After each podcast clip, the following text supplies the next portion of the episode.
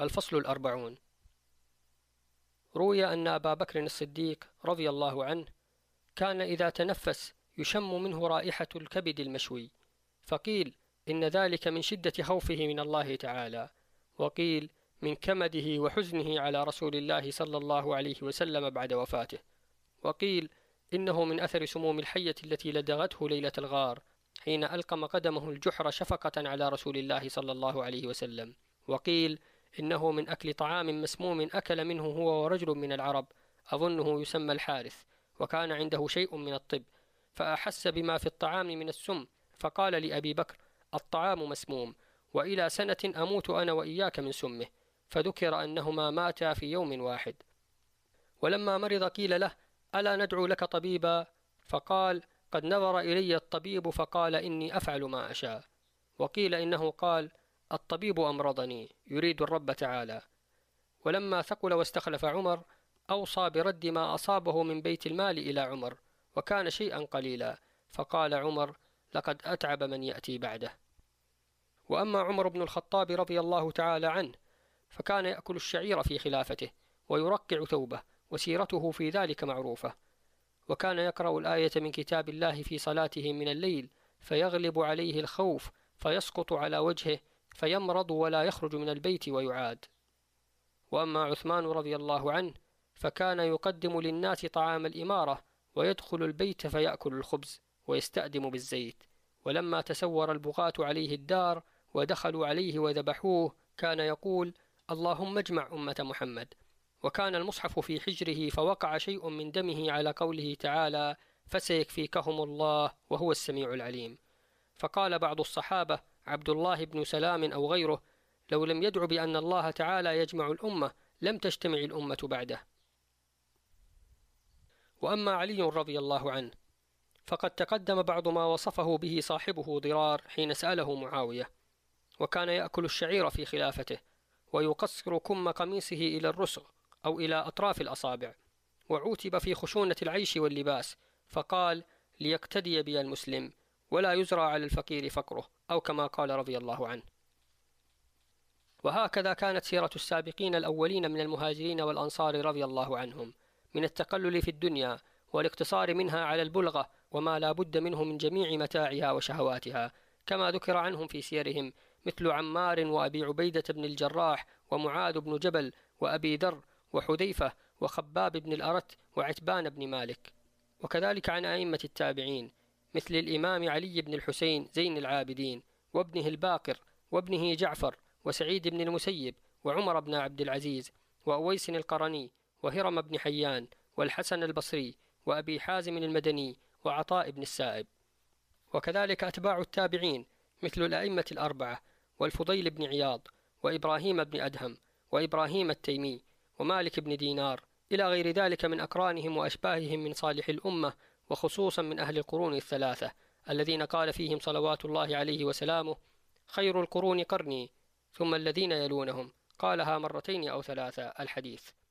وقال صلى الله عليه وسلم في كل قرن من أمتي سابقون. والأمر كذلك ولكنهم يقلون ويستترون في الأزمنة ولا يفقدون.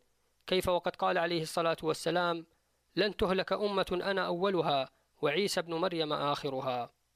وقد ذكرنا نبذة من أحوال هؤلاء السلف في خاتمة الكتاب المسمى الدعوة التامة وأشرنا إليهم في القصيدة العينية التي أولها يا سائلي عن عبرتي ومدامعي وتنهد ترتج منه أضالعي وقد شرح هذه القصيدة السيد العالم العلامة الصوفي من خواص أصحابنا الشريف أحمد بن زين الحبشي علوي أمتع الله به شرحا مبسوطا وذكر فيه شيئا من مناقب المذكورين في القصيدة المشار إليها.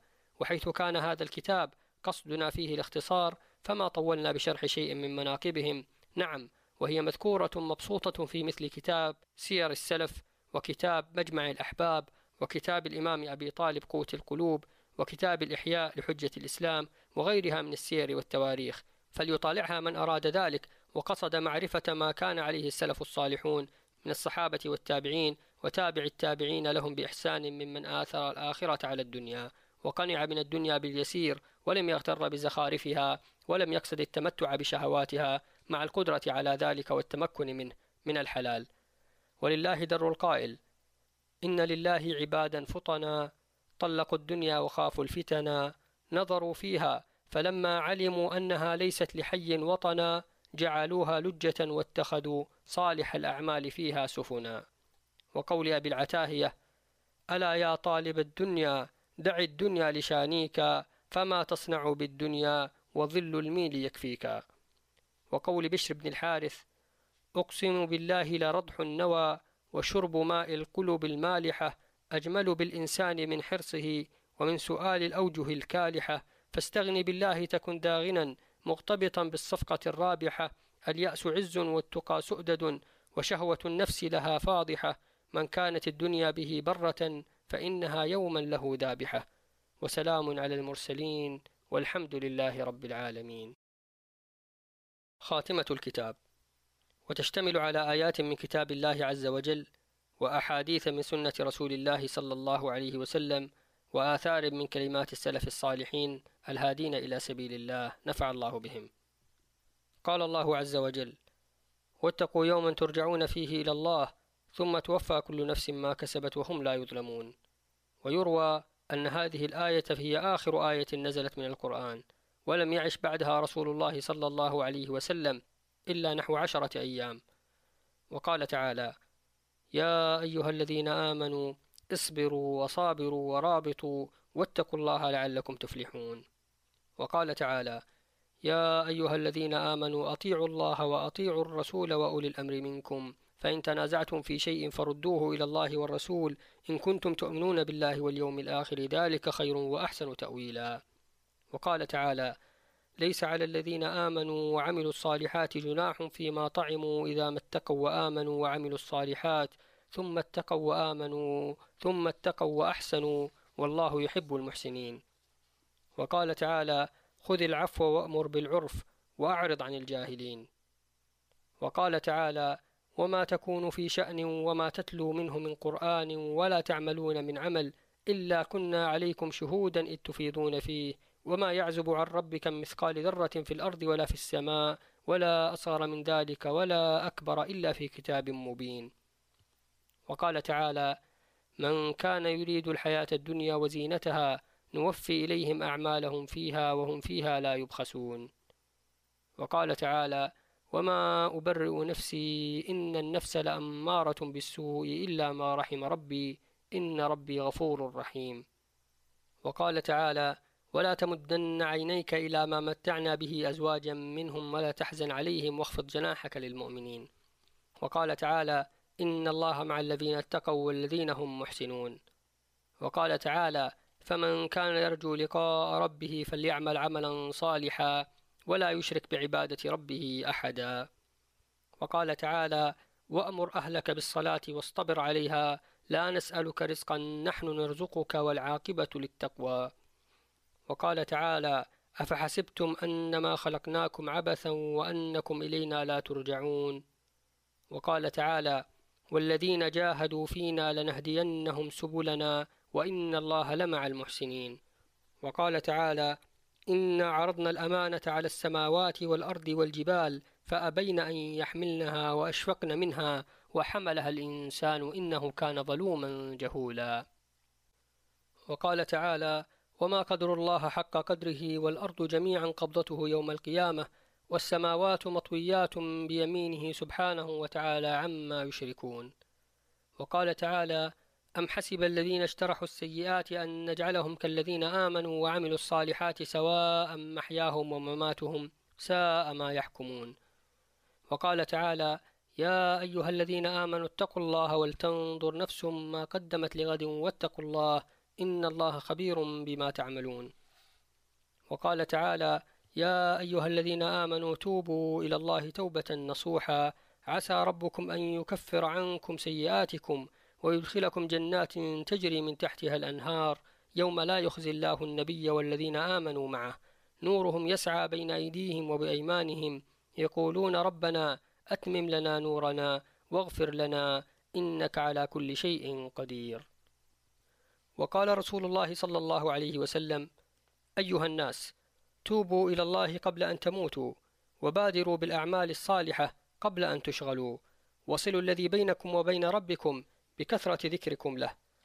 وقال عليه الصلاة والسلام بادروا بالأعمال فتنا كقطع الليل المظلم. يصبح الرجل فيها مؤمنا ويمسي كافرا ويمسي مؤمنا ويصبح كافرا. يبيع دينه بعرض يسير من الدنيا. وقال عليه الصلاة والسلام من خاف أدلج ومن أدلج بلغ المنزل. ألا إن سلعة الله غالية ألا إن سلعة الله الجنة. وقال عليه الصلاة والسلام رأس الحكمة خشية الله. وقال عليه الصلاة والسلام من حسن إسلام المرء تركه ما لا يعنيه وقال عليه الصلاة والسلام دع ما يريبك إلى ما لا يريبك. وقال عليه الصلاة والسلام لا يؤمن أحدكم حتى يحب لأخيه ما يحب لنفسه. وقال عليه الصلاة والسلام إن مما أدرك الناس من كلام النبوة الأولى إذا لم تستح فاصنع ما شئت. وقال عليه الصلاة والسلام إن الله فرض فرائض فلا تضيعوها وحرم أشياء فلا تنتهكوها وحد حدودا فلا تعتدوها وسكت عن أشياء رحمة لكم من غير نسيان فلا تبحثوا عنها. وقال عليه الصلاة والسلام من رأى منكم منكرا فليغيره بيده فإن لم يستطع فبلسانه فإن لم يستطع فبقلبه وذلك أضعف الإيمان. وقال عليه الصلاة والسلام لا يؤمن أحدكم حتى يكون هواه تبعا لما جئت به. وقال عليه الصلاة والسلام الإيمان بضع وسبعون شعبة. أعلاها قول لا إله إلا الله وأدناها إماطة الأذى عن الطريق. وقال عليه الصلاة والسلام ما رأيت كالجنة نام طالبها ولا كالنار نام هاربها. وقال عليه الصلاة والسلام حفت الجنة بالمكاره وحفت النار بالشهوات. وقال عليه الصلاة والسلام ما ملأ ابن آدم وعاء شرا من بطنه. بحسب ابن آدم لقيمات يقمن صلبه فإن كان لا محالة فثلث لطعامه وثلث لشرابه وثلث لنفسه. وفي حديث آخر كلوا في أنصاف البطون وعودوا الأجساد ما تعتاد فإن ذلك جزء من النبوة. أو قال من أجزاء النبوة. وقال عليه الصلاة والسلام ثلاث منجيات وثلاث مهلكات. فأما الثلاث المنجيات فخشية الله في الغيب والشهادة والقصد في الغنى والفقر وكلمة العدل في الرضا والغضب. وأما الثلاث المهلكات فشح مطاع وهوى متبع وإعجاب المرء بنفسه. وقال عليه الصلاة والسلام سبعة يظلهم الله في ظله يوم لا ظل إلا ظله. إمام عادل وشاب نشأ في عبادة الله عز وجل ورجل قلبه معلق بالمساجد ورجلان تحابا في الله تعالى اجتمعا على ذلك وتفرقا عليه. ورجل دعته امرأة ذات منصب وجمال فقال إني أخاف الله. ورجل تصدق بصدقة فأخفاها حتى لا تعلم شماله ما أنفقت يمينه. ورجل ذكر الله خاليا ففاضت عيناه. وقال عليه الصلاة والسلام كأن الموت فيها على غيرنا كتب وكأن الحق فيها على غيرنا وجب وكأن من نشيع من الموتى سفر عن قريب إلينا راجعون نبوئهم أجداثهم ونأكل تراثهم كأننا مخلدون بعدهم. قد نسينا كل موعظة وأمنا كل جائحة. وقال عليه الصلاة والسلام تركت فيكم واعظين ناطق وصامت. فأما الناطق فكتاب الله وأما الصامت فالموت. وقال عليه الصلاة والسلام لا تزول قدم عبد يوم القيامة حتى يسأل عن خمس. عن عمره فيما أفناه وعن شبابه فيما أبلاه وعن ماله من أين اكتسبه وفيما أنفقه وعن علمه ماذا عمل فيه. وقال عليه الصلاة والسلام إذا حدث في الناس تسعة أشياء كانت معها تسعة أشياء.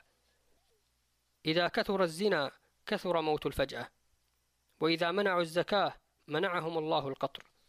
وإذا طففوا المكيال أخذوا بالسنين. وإذا جاروا في الحكم عمهم الظلم والعدوان. وإذا نقضوا العهد سلط الله عليهم عدوهم. وإذا تركوا الأمر بالمعروف اضطربت عليهم الأمور. وإذا تركوا النهي عن المنكر ملكهم أشرارهم. وإذا قطعوا الأرحام جعلت الأموال بأيدي الأشرار. وإذا ارتكبوا المحارم طرقتهم الآفات. وقال علي كرم الله وجهه لو كشف الغطاء ما ازددت يقينا. وقال هب أن الله قد تجاوز عن المسيئين. أليس قد فاتهم ثواب المحسنين؟ وقال رضي الله عنه طوبى للزاهدين في الدنيا الراغبين في الآخرة. أولئك قوم اتخذوا الأرض بساطا وترابها فراشا وماءها طيبا والدعاء والقرآن شعارا ودثارا. فرفضوا الدنيا على منهاج عيسى عليه السلام. وقال زين العابدين علي بن الحسين رضي الله عنهما إن الله خبأ ثلاثا في ثلاث.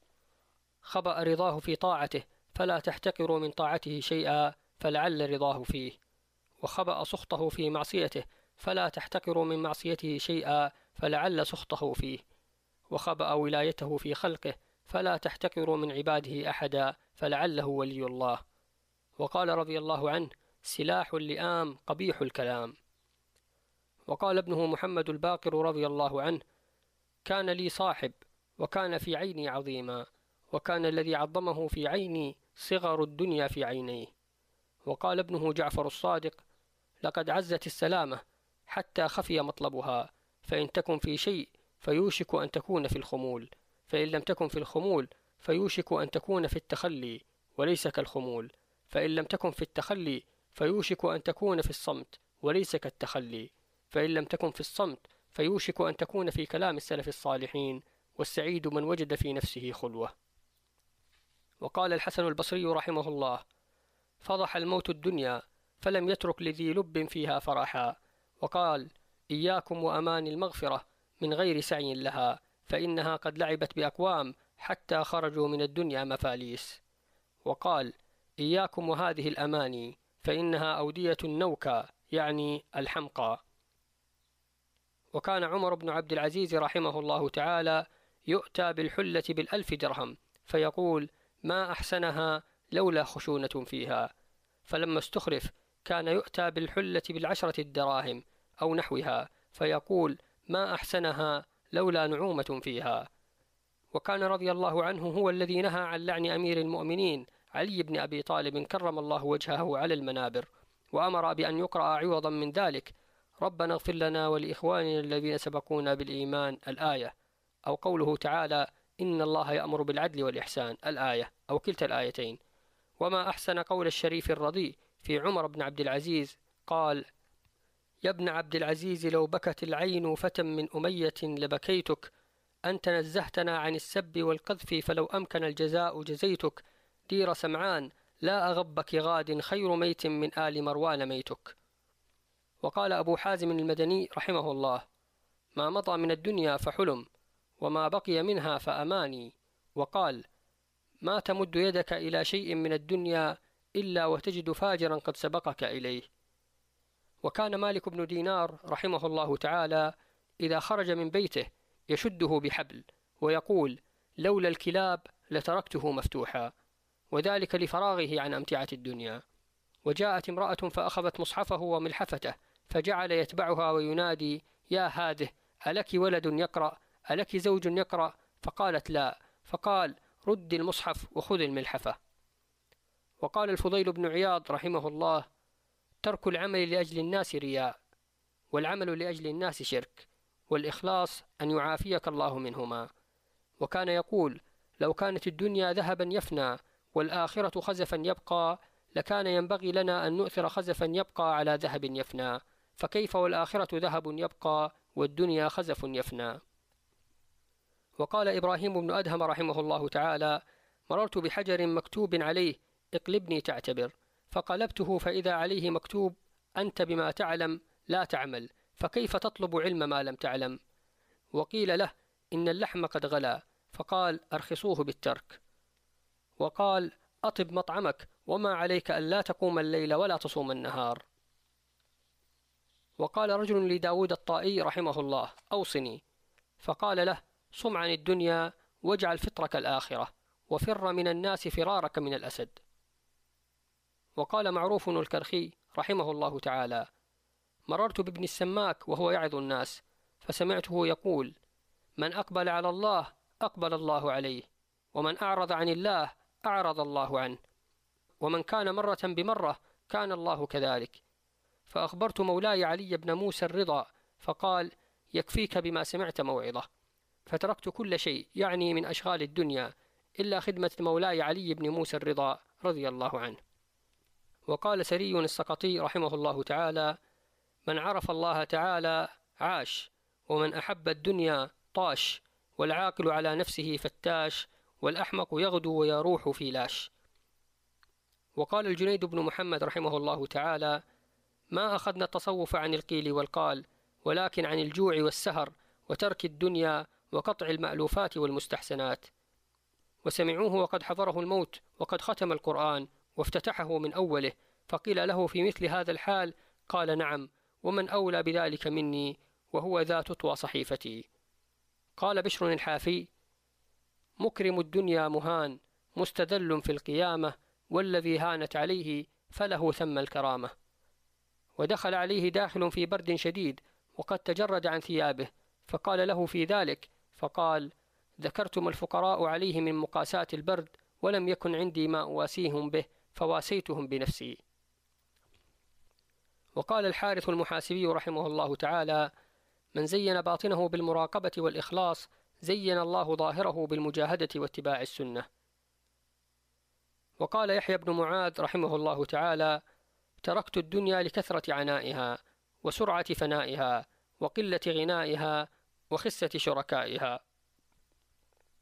وقال سهل التستري رحمه الله تعالى لا معين إلا الله ولا دليل إلا رسول الله ولا زاد إلا التقوى ولا عمل إلا الصبر. وقال أبو سعيد الخراز رحمه الله تعالى من ظن أنه بجهده يصل فهو متعنن ومن ظن أنه بدون الجهد يصل فهو متمنن. وقال أبو الحسن الشعراني رحمه الله تعالى رأيت منصور بن عمار رحمه الله تعالى في المنام فقلت ما فعل الله بك؟ فقال أوقفني بين يديه. وقال أنت منصور بن عمار؟ فقلت بلى يا رب. فقال أنت الذي كنت تزهد الناس في الدنيا وترغب أنت فيها؟ قلت قد كان ذلك ولكني ما اتخذت مجلسا إلا وبدأت فيه بالثناء عليك وثنيت بالصلاة على نبيك محمد صلى الله عليه وسلم وثلفت بالنصيحة لعبادك. فقال عز وجل صدق. ضعوا له كرسيا يمجدني في سمائي بين ملائكتي كما كان يمجدني في أرضي بين عبادي. وروي أنه مر بمجلس منصور بن عمار رحمه الله غلام مملوك لبعض التجار فسمعه يقول من أعطى هذا الفقير أربعة دراهم دعوت له بأربع دعوات. وكان مع الغلام أربعة دراهم بعثه سيده ليأخذ له بها حاجة. فدفعها إلى الفقير فدعا له ورجع إلى سيده بلا شيء فسأله عن الدعوات التي دعا بها فقال أن يخلصني الله تعالى من الرق فأعتقه. قال والثانية فقال أن يخلف الله الدراهم فقال لك أربعة آلاف درهم قال والثالثة قال أن يتوب الله علي وعليك فقال إني تبت إلى الله قال والرابعة قال أن يغفر الله لي ولك وللمذكر وللقوم فقال الرجل أما هذه فليست إلي. فلما نام الرجل رأى في منامه الحق عز وجل فقال أتراك تفعل ما إليك ولا أفعل ما إلي؟ قد غفرت لك وللغلام وللمذكر وللقوم. فسبحانه تعالى ما أجوده وأكرمه وأعظمه وأرحمه. ذي الطول لا إله إلا هو إليه المصير. وليكن هذا آخر ما يسره الله تعالى من إملاء هذا الكتاب والله الهادي إلى الحق والصواب وإليه المرجع والمآب. وصلى الله وسلم على عبد الله ورسوله وأمينه على وحيه وتنزيله سيدنا ومولانا محمد الذي أرسله رحمة للعالمين وختم به النبيين وعلى آله الطيبين الطاهرين وعلى أصحابه الهادين المهتدين وعلى التابعين لهم بإحسان إلى يوم الدين. والحمد لله رب العالمين. قل هذه سبيلي أدعو إلى الله على بصيرة. أنا ومن اتبعني وسبحان الله وما أنا من المشركين. وكان الفراغ من إملائه بكرة يوم الخميس ثاني عشر شهر صفر الخير أحد شهور سنة ثلاثين ومئة وألف من الهجرة النبوية على صاحبها أفضل الصلاة والسلام.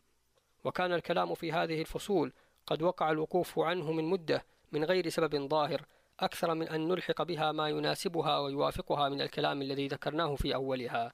فلما طال ذلك ونقلها الناس ولم يتفق تمامها هممنا بإتمامها على بركة الله وذلك من أول فصل الاستقامة. وليست هذه الفصول المتأخرة مطابقة من كل وجه لما سلف من الفصول ولكنها كثيرة الفوائد حسنة المصادر والموارد لمن تأمل ذلك وكان من أهل العدل والإنصاف وكل ذلك من فضل الله ومن بركات رسول الله صلى الله عليه وسلم وبركات السلف الصالح الذين ننتسب إليهم ونحب السلوك لطريقهم والتأسي بهم. رزقنا الله ذلك ووالدينا وأولادنا وأحبابنا وأصحابنا وجميع المسلمين وختم لنا ولهم بالحسنى والإحسان في لطف وعافية وحفظ وسلامة من جميع الفتن ما ظهر منها وما بطن. ما شاء الله لا قوة إلا بالله وهو حسبنا ونعم الوكيل. غفرانك ربنا وإليك المصير.